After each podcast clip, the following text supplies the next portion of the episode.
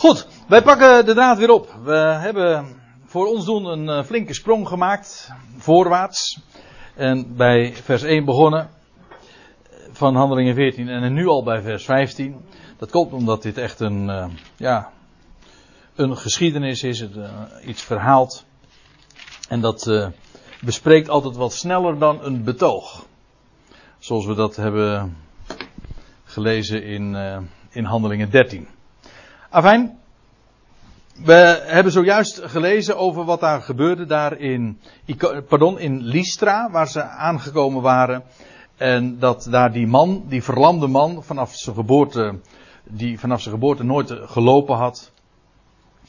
Hoe die plotseling geneest, het woord van Paulus aanhoort, geloof in hem werd gewekt. En die man die sprong op en hij wandelde. En dat uh, riep een enorme verbazing op onder de menigte daar in Lystra. Nou, ze willen gaan offeren. Ze denken dat het uh, de goden in mensengedaante zijn. Zeus en Hermes. En dan is het Paulus die uh, tussen beiden treedt en, en, schreeuwt van dit kan niet. Wat doet gij daar? Ook wij zijn maar mensen zoals jullie met soortgelijke emoties en wij evangeliseren jullie. Oh ja, en dat is waar we aan het einde van de, voor de pauze komen waren. Wij evangeliseren jullie. Wij brengen jullie een goed bericht. En de vraag is, wat is dat goede bericht? En ik moet u zeggen, het korte betoog wat we hier opgetekend vinden, is wel heel veelzeggend. Paulus is hier dus, ik, ik, herinner aan, niet in een synagoge, niet in een Joodse omgeving. Integendeel, hij is hier in een omgeving die compleet heidens is, met afgodische ideeën, die totaal niet op de hoogte zijn van de Tenach of van de schriften. Paulus doet daar ook geen beroep op. Paulus verwijst niet naar de schriften. Dat doet hij wel als hij in de synagoge is. Dat heeft zin. Want dan kan hij verwijzen naar gemeenschappelijke kennis. Dat is een gemeenschappelijk uitgangspunt. Maar dat doet hij niet als hij hier in Lystra is. En we zullen dat later ook weer tegenkomen als hij, als we lezen dat hij een reden houdt in Athene, op de Areopagus. Dus ook in een heidense setting. Laten we het eens lezen. Paulus zegt, wij evangeliseren jullie. En wel dat jullie je dit van dit ijdel bedrijf zouden bekeren. Dit ijdele bedrijf, dat wil zeggen van deze zinloze dingen. En welke zinloze dingen waren ze mee bezig? Uh, nou, dat is dat sterfelijke mensen, mensen zoals jullie, met emoties zoals jullie, uh, die worden tot goden verklaard. Nou, dat is zinloos, dat is ijdel. En het loutere feit dat ze zich daarvan mogen afkeren, dat is op zich al een blijde boodschap. Dat je je van zinloze dingen mag afkeren. Zinloze dingen die dus geen enkele betekenis, geen doel hebben en dus feitelijk zondig zijn in de letterlijke zin van het woord. Dus doelmissend, zinloos. Dat jullie je van dit ijdel bedrijf, van deze zinloze dingen, bekeren. Nou ja, u ziet hier, er staat in de vertaling moet bekeren, maar dat staat er niet. Paulus zegt, ik evangeliseer jullie dat jullie je van dit ijdele bedrijf, van deze zinloze dingen, om te keren. Waarbij ik het nogmaals benadruk, dit woord moeten, zoals het in de MBG-vertaling staat. Hoe is het in de Statenvertaling eigenlijk? Staat dat woordje moeten? Ja, oh ja, dan in de Statenvertaling dus niet. Ja, maar staat het woordje moeten er? Nee. Nee, het is heel opmerkelijk. Uh, ik heb op dat fenomeen wel eens vaker gewezen. Maar dat hoe moderner de vertaling, hoe meer er gemoed wordt. Hoe meer er moet. Dat het woordje moeten er zo vaak toegevoegd wordt, terwijl het er niet staat. En het is ook echt een dissonant, een valse klank. Het is, Paulus evangeliseert hier, hij brengt een goed bericht. En dat betekent dat ze iets aangeboden krijgen. Ze krijgen een blijde tijding te horen. Dan past het woordje moeten niet.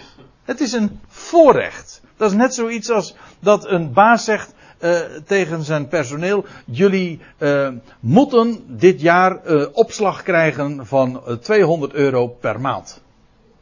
Dat, dat, dat slaat toch nergens op? Je, krijgt dat, hè? Ja. Dat is goed.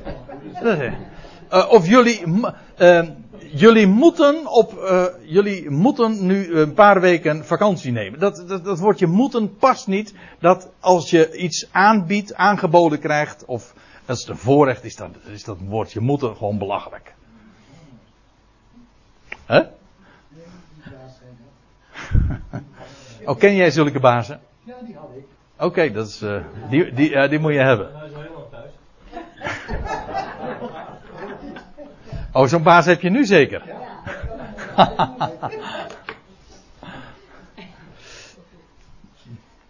maar, ja, dan, dan, als je eenmaal weet hoe het zit met het goede bericht en het woord van genade, dan gaat dat je steeds meer tegenstaan als dat, als dat woord er aan toegevoegd wordt. Want dat past niet. Er wordt iets, een blijde tijding verteld. Zinloze dingen mogen ze nu achter zich laten. En ze mogen zich wenden tot de levende God. Dat is een blijde tijding. Dan ga je toch niet praten over je moet je af, afkeren. Dat mag je dan doen. Dat is een voorrecht. Dat is een blijde tijding. Weg met het woordje moeten. Staat er, A, het staat er niet. En B, het klinkt vals. Dan, het geeft ook aan dat je niet weet dat er echt geëvangeliseerd wordt. Trouwens, als ik het zo zeg, dat, is, uh, dat klopt ook. Want uh, in de vertaling wordt hier niet eens gezegd van uh, dat er geëvangeliseerd wordt. In de, ik weet ook hier niet hoe het in de Statenvertaling is. Ja, heel kort. Even kijken. En verkondigen u dat gij u zou van ja, ook, dingen verkeren tot de levende God. Ja, maar verkondigen, er staat niet dat het geëvangeliseerd is. Er staat niet dat er een evangelie gebracht wordt.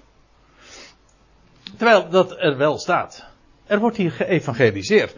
Hier is het alleen maar, wij verkondigen jullie dat je iets moet doen. Maar nee, er wordt geëvangeliseerd. Ik breng jullie een blijde tijding dat jullie je van deze zinloze dingen mogen afkeren. En je wenden tot de levende God. Dat is een, dat is een blijde tijding en dat wordt je moeten weg ermee. Staat er niet en het past er niet. En wat Paulus hier doet in deze omgeving is hen confronteren met de levende God. Ja, dat bekeren, dat is hier het. Ja, je hebt twee woorden, dat wil zeggen. Zoals het in de vertaling wordt weergegeven, maar hier is het dus echt letterlijk omkeren. Gewoon dit. Bekeren, daar heb ik op zich niet zoveel moeite mee. Alleen je moet het wel letterlijk nemen. Bekeren betekent omkeren. Eigenlijk zou, maar omdat woordje bekering zo'n hele godsdienstige klank heeft, dat je, je gaat van de ene godsdienst over naar de andere godsdienst en dat heet dan een bekering. Maar dat is niet wat het is. Het is gewoon echt dit. Omkeren. En ze hielden zich bezig met die zinloze eh, dingen. En met een ijdel bedrijf. En nou wordt hen iets verteld. Een blijde tijding. Namelijk de blijde tijding van de levende God.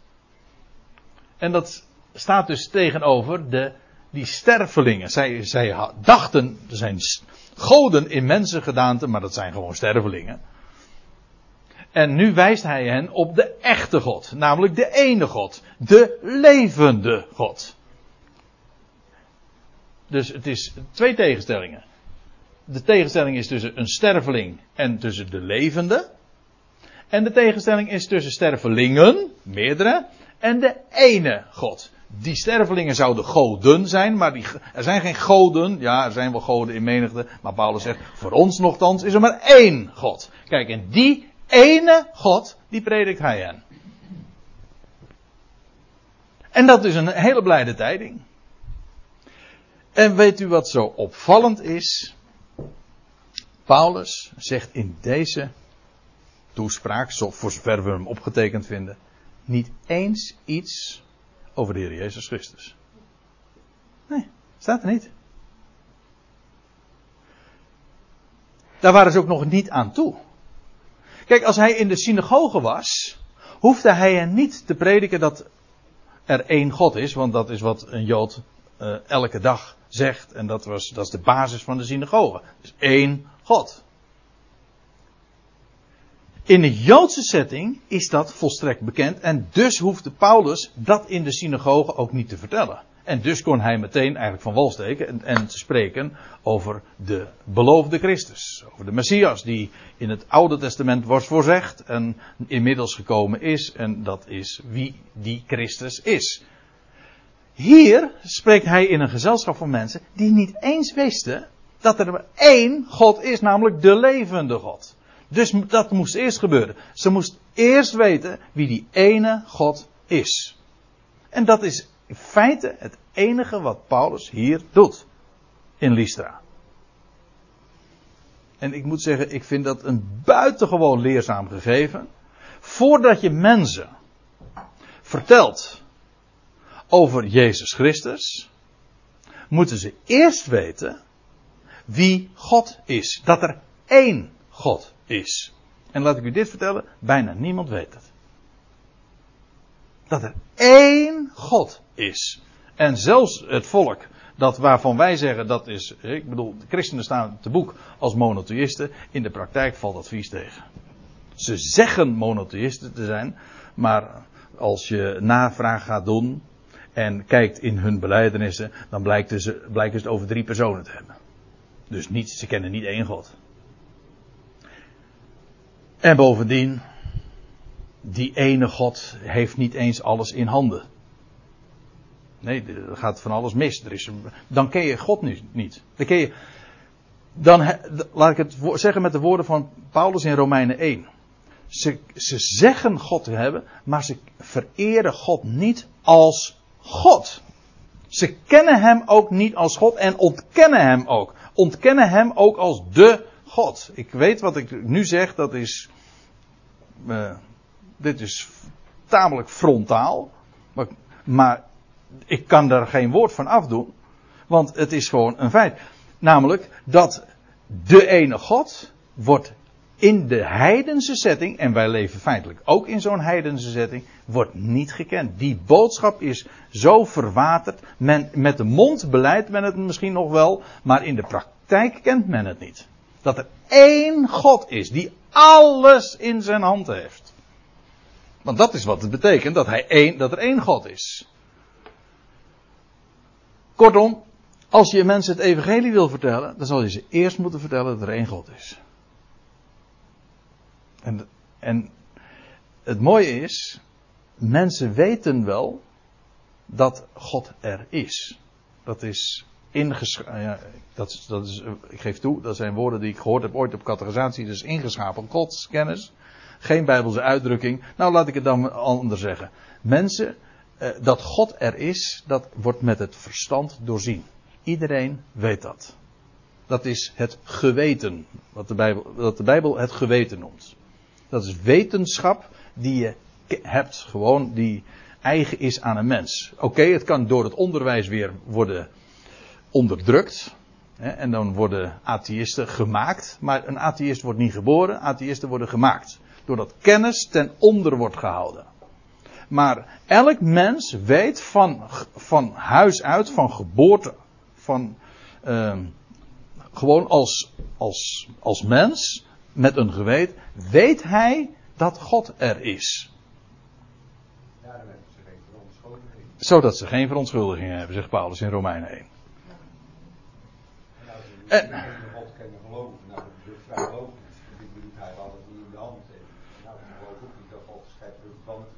Dus. Nee, dat is het punt. Dat is een keer een punt, als je dat al niet gelooft, dan ben je nergens meer. Ja, en. Ja. En als God niet alles in zijn hand heeft, goed en kwaad. Precies, en maar dan is hij dus niet die ene God. En omgekeerd, als je weet dat er één God is, dan ken je in essentie het evangelie ook.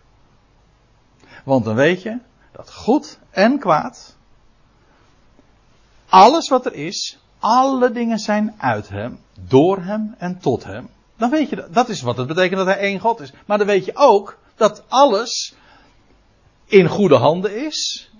Dat alles bij hem vandaan komt, maar ook dat de goede bestemming dus gegarandeerd is. Want hij is het die het alles bedacht, en tot aanzijn riep. Hij is het die als enige alles in de hand heeft. En dus kan er ook niks misgaan en dus is de goede afloop verzekerd. Maar dat is dus ook iets wat men niet gelooft. En dat komt omdat men niet gelooft dat er één God is. En feitelijk heeft men ook de mens tot een godheid gepromoveerd. Feitelijk wat deze mensen ook deden met Paulus en Barnabas. De mens wordt tot een godheid gemaakt. Tot een god gepromoveerd. Want als God kan wel willen dat, ik noem maar wat, hè. God kan wel willen dat alle mensen gered worden. Maar als de mens het niet wil, dan gebeurt het niet. Nou, dan heb je dus de mens een, een status gegeven die boven God uitgaat. En dus ken je niet meer de ene, de levende God.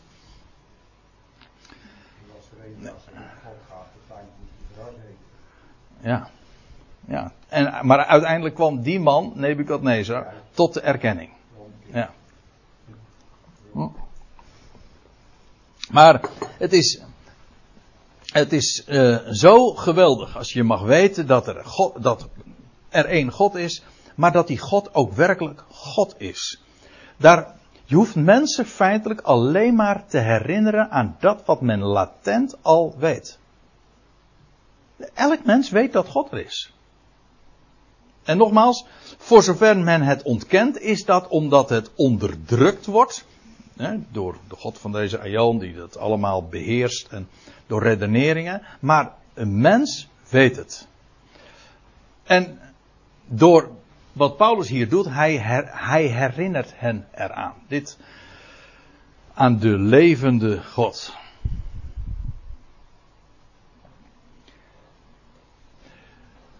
En dat is de blijde tijding die ze te horen krijgen. En in feite is het zo, uh, ik, ik, ik, gaf het zojuist al even aan, maar als je weet dat God God is, en dus de levende God is, dan heb je het evangelie in handen.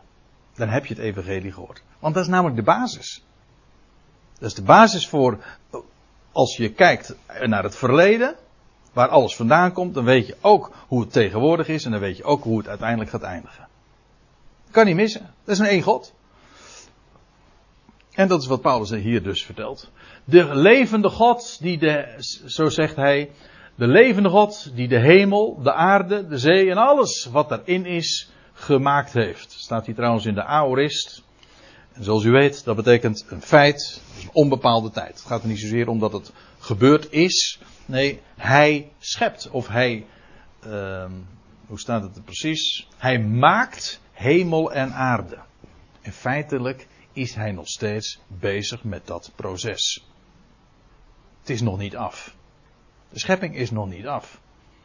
En daarom zou je ook nog uh, je van oordeel moeten onthouden over wat, waar God mee bezig is. Een werk beoordeel je pas als het af is. Toch? En dat is met of je het nou over een schrijver hebt die een boek bezig is te maken. Of je hebt het over een schilder, schilder die een schilderij aan het maken is. Of over een, mu een muzikus, een componist die een muziekstuk maakt. Je beoordeelt het pas aan het eind. En niet halverwege. Nou, de schilderij is nog niet af. Gods schepping is nog niet klaar. En mensen veroorloven zich nu al een mening over die God. En dat, hoe kan hij het kwaad een, een plaats geven? Hoe kan hij het kwaad. En dat is ook de echte reden waarom mensen uh, atheïst zijn. Ze kunnen niet uh, een God plaatsen die het kwaad uh, een plaats geeft in deze wereld. Daar is men boos op. En dat, dat verdraagt men niet en dus redeneert men God weg.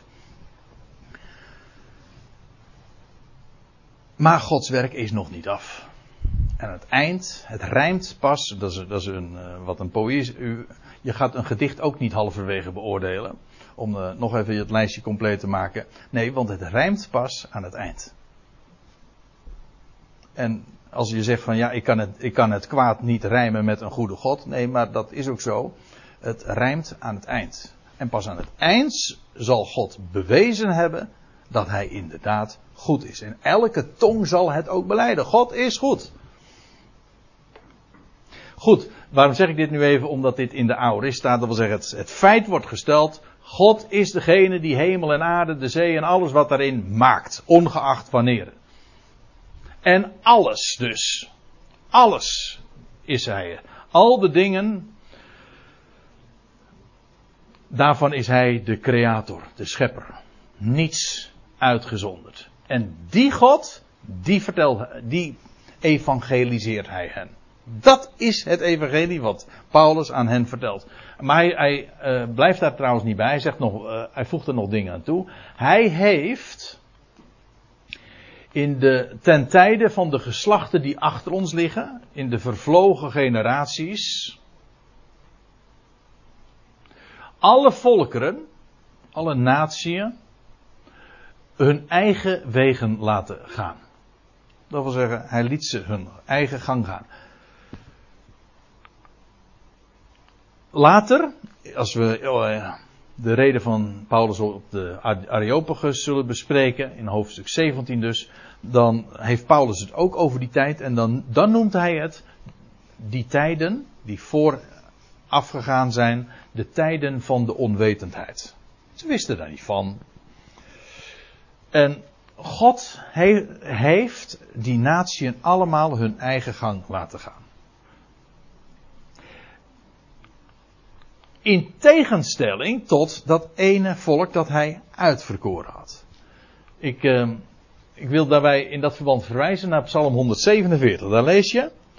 Hij, gaat het over God. Hij heeft Jacob zijn woorden bekendgemaakt. En Israël zijn inzettingen en zijn verordeningen. Dat is een voorrecht dat Jacob, oftewel Israël, kent.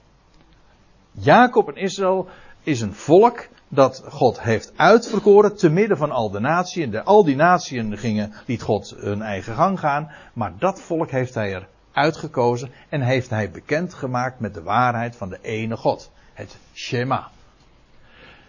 En dan staat er achteraan, al dus heeft hij aan geen enkel volk gedaan. En zijn verordeningen kennen zij niet. Er staat er nog bij, halleluja. Dat wil zeggen, halleluja, dat God ons daartoe nu heeft uitverkoren. Dat is wat hij met Israël heeft gedaan. Dus, dus uniek. Alle volkeren lieten hij hun eigen gang gaan. Hun eigen weg. Dat is dus ook, let op, dat is iets wat God zelf zo heeft ingezet. Dat wordt hen niet verweten. Nee, hij heeft één volk heeft hij eruit getild uitgekozen en met deze dingen, met zijn woorden bekendgemaakt, zijn inzettingen, zijn verordeningen die zoveel te zeggen hebben. Maar al die andere volkeren gingen hun eigen weg. Dat is wat de God, de plaatser, zo heeft gewild en geregeld. En uh, al de naties liet hij hun eigen wegen gaan. En toch staat er, Hoewel hij dus hen hun eigen weg liet gaan, niet op zijn weg, maar op hun eigen wegen, toch heeft hij zich niet onbetuigd gelaten. Door wel te doen, door goed te werken. Het goede werkende. En waarin blijkt dat? Wel, we lezen even verder.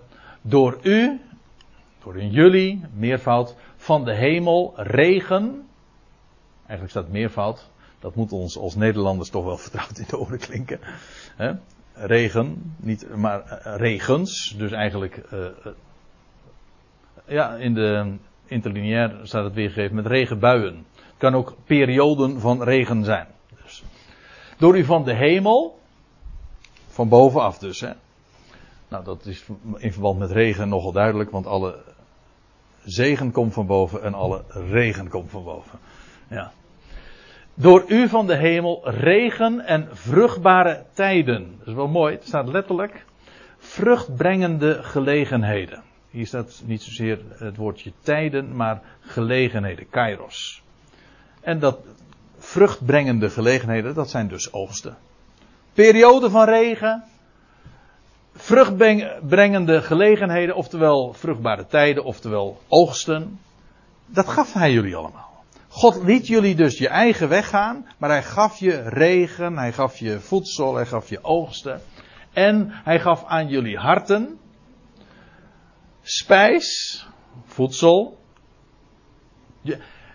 en staat erbij, eh, en aan uw harten overvloed van spijs. Laven, dat wil zeggen inderdaad, eh, ja, overvloedig geven. Overvloed van voedsel. En staat er ook nog bij van blijheid, van vrolijkheid te schenken. Dus als zij, moet u nagaan. Ze gingen hun eigen weg. God heeft hun zo weggestuurd, hun eigen weg eh, te laten gaan. Maar hij liet zich niet onbetuigd. Hij gaf ze, over, hij gaf ze regen, hij gaf ze hun oogsten.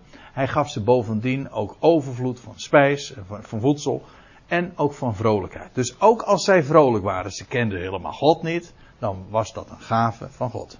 Zo staat het hier. Dat ze onwetend waren, ja, dat, dat, dat kon hen niet kwalijk genomen. Ze wisten dat ook eh, domweg niet. Ze waren met recht onwetend agnostisch. Ons woordje agnost, dat is eigenlijk ook een Grieks woord, en betekent letterlijk onwetend.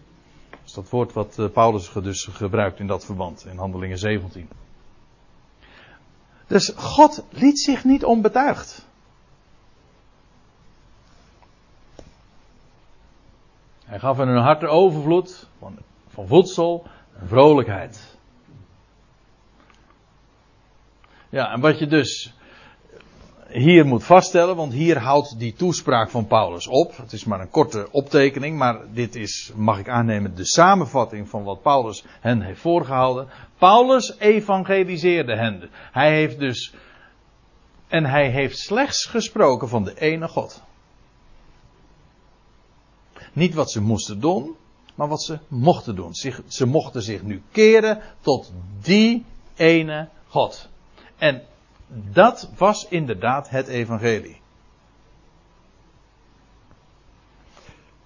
Ik weet niet hoe ik het belang daarvan nog beter kan onderstrepen.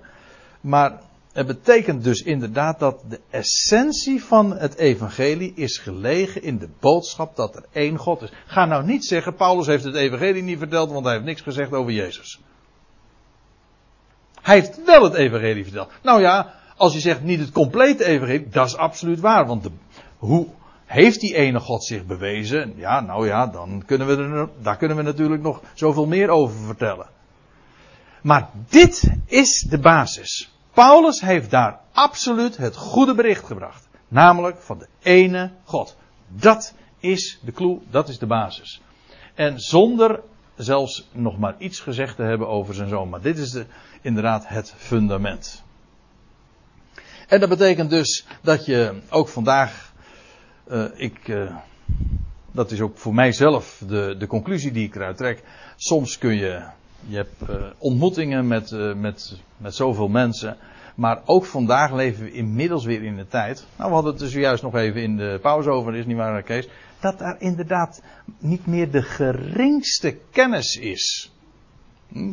Kees had het erover, als je het over paas hebt, dan denken ze alleen nog maar aan, aan, chocolade-eitjes die, eh, die je in de tuin moet zoeken. Weet je wel, zulke dingen. Maar echt waar, ook bij de jeugd, voor een groot gedeelte, zelfs in ons christelijke vaderlandje, maar is de kennis inmiddels zo hollend achteruit gegaan, men weet nauwelijks nog iets over de schrift.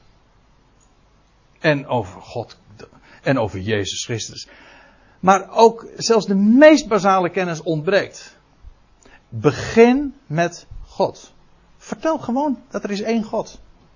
Bij wie nooit iets misgaat, die alles in zijn hand heeft, dan heb je een evangelie verteld. Misschien kom je helemaal niet verder. Het zou erg mooi zijn als je wel verder komt. Maar begin daarmee. Als, je, als we niet weten wie God is, dat er één God is, dan heeft het ook geen zin om te gaan spreken over Jezus Christus, die zich gegeven heeft tot een losprijs en over, de, over die opgestaan is uit de dood. Begrijp me goed, ik, ik wil niet eh, beweren dat daar een eh, bepaalde strategie is of hoe het moet. Ik wil alleen maar zeggen, dit is de normale volgorde. Eerst moeten mensen weten dat er één God is. En dan pas kunnen we spreken over zijn zoon. Die hij uit de doden heeft opgewekt, enzovoort, enzovoort, enzovoort. Want het gaat, is, gaat nog zoveel verder. Maar dit is de basis. Paulus heeft hen het evangelie verteld. Dus dit lijkt me buitengewoon leerzaam. En we zullen straks, als we in handelingen 17 aangekomen zijn, daar uh, ongetwijfeld nog wel uh, op terugkomen. Maar dit is het eerste echte voorbeeld van, het, e- van een evangelieverkondiging in een compleet heidense setting. Waar men niets wist van de schrift en waar ze ook zelfs nog niks verteld hebben gehoord, of waar hun niks is verteld over, over Jezus Christus. Nou ja, en dan lees je, en hoewel zij zo spraken, Paulus en, en Barnabas, konden zij ternauwernood de scharen weerhouden hen te offeren. Dus, ondanks het feit dat ze dat zo verteld hebben, eh, is de meerderheid daar kennelijk, eh, is dat toch niet echt doorgedrongen. Wel, eh, zo al onder de indruk voor het wonder wat daar zojuist had plaatsgevonden. En dan lees je weer in vers 19, en je had het eigenlijk inmiddels zo'n beetje al kunnen voorspellen. Maar er staat er, er kwamen Joden van Antiochië en Iconium. En zij praten de scharen om, zij overreden de scharen. En moet je nagaan hoe snel dat kan omkeren. Hè? Moet je nagaan. Eerst nog, ze zijn, het zijn de goden in mensengedaante neergedaald. En nou komen daar die godsdienstige mensen, de Joden, de orthodoxie, die uh, uit Antiochië en uh, Iconium, waar Paulus dus zojuist geweest was en waar ze hem ook al wilden lynchen. Nou, ze komen nu hier in Lystra aan en ze praten de schade zo om. En het Hosanna werd in no time kruisig hem. En het halleluja, dat veranderde in steniging. Want er staat, ze praten de schade om en ze stenigden Paulus. Uh, ik mag aannemen dat dat gaat over de Joden en de scharen. Die, dat, de, die ervoor zorgden dat de scharen dat gingen doen. Ze stenigden Paulus. Kijk, in, bij een eerdere gelegenheid lazen we nog, zojuist in wat was het, Iconium, dat ze hem wilden stenigen en dat, ze, dat Paulus daarom en Barnabas maken dat ze wegkomen. Maar hier stenigen ze. En we lezen uh, over deze gelegenheid, over deze gebeurtenis, dat Paulus komt daar in de Korinthebrief op terug. In de tweede Korinthebrief. Want dan zegt hij in 2 Korinthe 11, als hij zo terughaalt, kijkt op zijn carrière, op zijn loopbaan, dan zegt hij van de Joden. Dit is trouwens, uh, ik moet erbij zeggen, dit is uh, 14 jaar, schrijft hij 14 jaar later op. Ongeveer. Dan zegt hij, van de Joden heb ik vijf keer de 40 min 1 slagen ontvangen. En dan zegt hij, voegt hij eraan toe, driemaal ben ik met de roede gegezeld. En één keer, eenmaal, ben ik gestenigd. En dat is inderdaad bij deze gelegenheid. Hier in Lystra. Eén keer ben ik gestenigd. En dan zegt hij er nog bij. Driemaal heb ik schipbreuk geleden. En etmaal heb ik op zee doorgebracht. Op volle zee. Nou ja, het lijstje gaat nog aanzienlijk langer door. Maar, nou ja, dit is wat hij dus allemaal meegemaakt heeft. Maar uiteraard haal ik het hier om aan. Eén keer ben ik gestenigd. Hier, dat was 14 jaar daarvoor in Lystra. Nou ja, en dan hebben ze Paulus gestenigd en ze sleepten hem toen vervolgens de stad uit. Eh, menende, veronderstellend, dat hij gestorven was. Ja, en nou doet zich iets uh, merkwaardigs voor, of in ieder geval uh, dringt zich een vraag op. Is dit de gelegenheid geweest dat hij is opgetrokken geweest in de derde hemel? Want we lezen in 2 Korinthe 12 vers 2. Dus dat is datzelfde, diezelfde brief als waar ik zojuist uit citeer, dat hij één keer gestenigd is. Dan lees je, ik weet van een mens, hij zegt, het is 14 jaar geleden. Hij heeft niet over zichzelf, dat blijkt uit de context. Hij zegt, ik weet van een mens die opgetrokken is geweest in de derde hemel. Hij heeft dingen gezien die het een mens niet geoorloofd zijn uit te spreken. Hè? God weet het. Of het in het lichaam was of buiten het lichaam, ik weet het niet. Dus God weet het.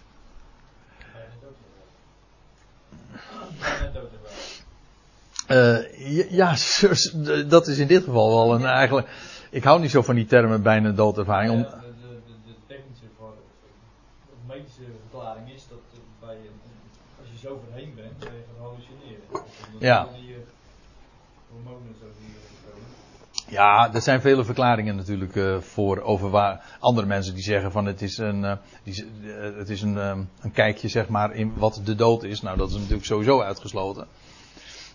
Want een bijna doodervaring zegt helemaal niks over eh, de dood. Ja, zo eh, als je bijna geslaagd bent, dat zegt helemaal nog niks over eh, dat je geslaagd bent. Nee. Maar of bijna zwanger, weet je wel. Zulke begrippen. Ja, maar. Hij, ze meenden dat hij dood was. Maar we weten dus, hij is een keer opgetrokken geweest in de derde hemel. En dat was 14 jaar daarvoor. En dat zou overeenkomen met deze periode, met deze tijd. Dat hij hier inderdaad in Lystra was. En ik kan het niet bewijzen. Het is door velen al geopperd. En ik kan niet anders zeggen dan dat het heel aannemelijk is dat hij bij deze gelegenheid, toen men meende dat hij dood was, dat hij toen opgetrokken is geweest in de derde hemel. Ik, u ziet het, ik zet er een vraagteken achter. Ik kan het vanuit de schrift niet bewijzen, of nog niet bewijzen. Misschien eh, iemand anders eh, daar wel een goed, echt sluitend argument voor heeft. Hè?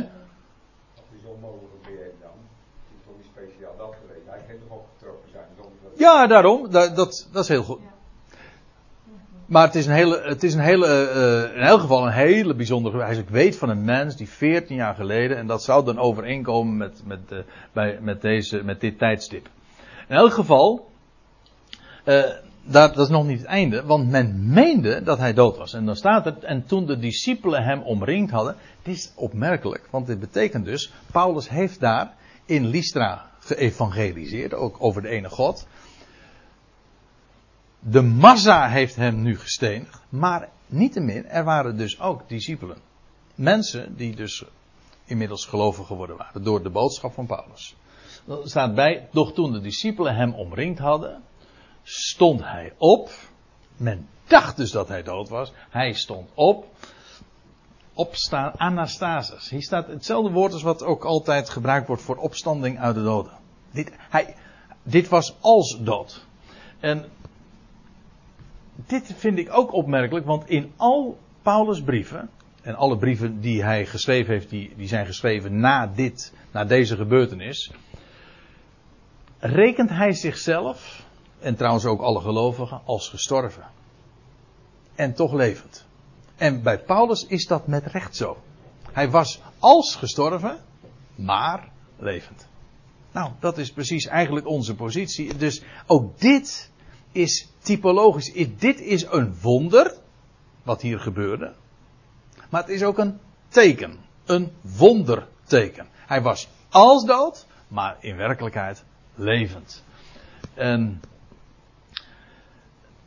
dat- wel zo, ja? Dat uh, gelovigen, de discipelen, daar getuigen waren. En niet de wereld en ook niet de Joden. Nee. Ook dat is, een, eh, dat is ook betekenisvol. En buiten de stad. Uit de stad. Buiten de stad. Dat is in wezen ook buiten de legerplaats. Waar die, in de legerplaats werd hij niet gerekend. Daar, maar buiten de legerplaats. Ja, daar vindt dat, die opstanding plaats. En zij nemen dat inderdaad waar. Maar ook die positie van hij als gestorven, maar toch levend. Ik, met Christus ben ik gestorven en toch leef ik. Dat is niet meer mijn ik, maar Christus leeft in mij. Dat is, zijn, dat is Paulus' boodschap. En feitelijk is dit een uitbeelding daarvan. Nou ja, en dan lees je, en de volgende dag vertrok hij met Barnabas naar Derbe. ja, nou, dat is, ik, ik zei, het is een wonder. Dit is, is dat het echt een wonder is, want je leest dus helemaal niet meer van iets. Nou ja, dat hij, zegt, dat hij moest herstellen. Want ik mag toch aannemen dat als je gestenigd bent, dat je toch flink gehavend bent. En ze meenden dat hij dood was. Maar hij ging de volgende dag naar Derbe. En ik zei al, dat is 90 kilometer verderop. Ja, daar zal hij wel een paar dagen over gedaan hebben. Dat mag je aannemen. Maar in elk geval, die reis die onderneemt hij dan. En wat daar dan vervolgens gebeurt. Daar gaan we het de volgende keer maar over hebben, want ik zie dat het inmiddels vijf voor tien is. Dus we moeten het hier maar eens bij laten. Ik had gedacht misschien het hele hoofdstuk te kunnen bespreken, maar zover is het niet gekomen. Maar we zijn wel een heel eind eh, verderop gekomen. Wel 90 kilometer verderop, zal ik maar zeggen. Ja. ja, we hebben een flinke reis toch weer ondernomen.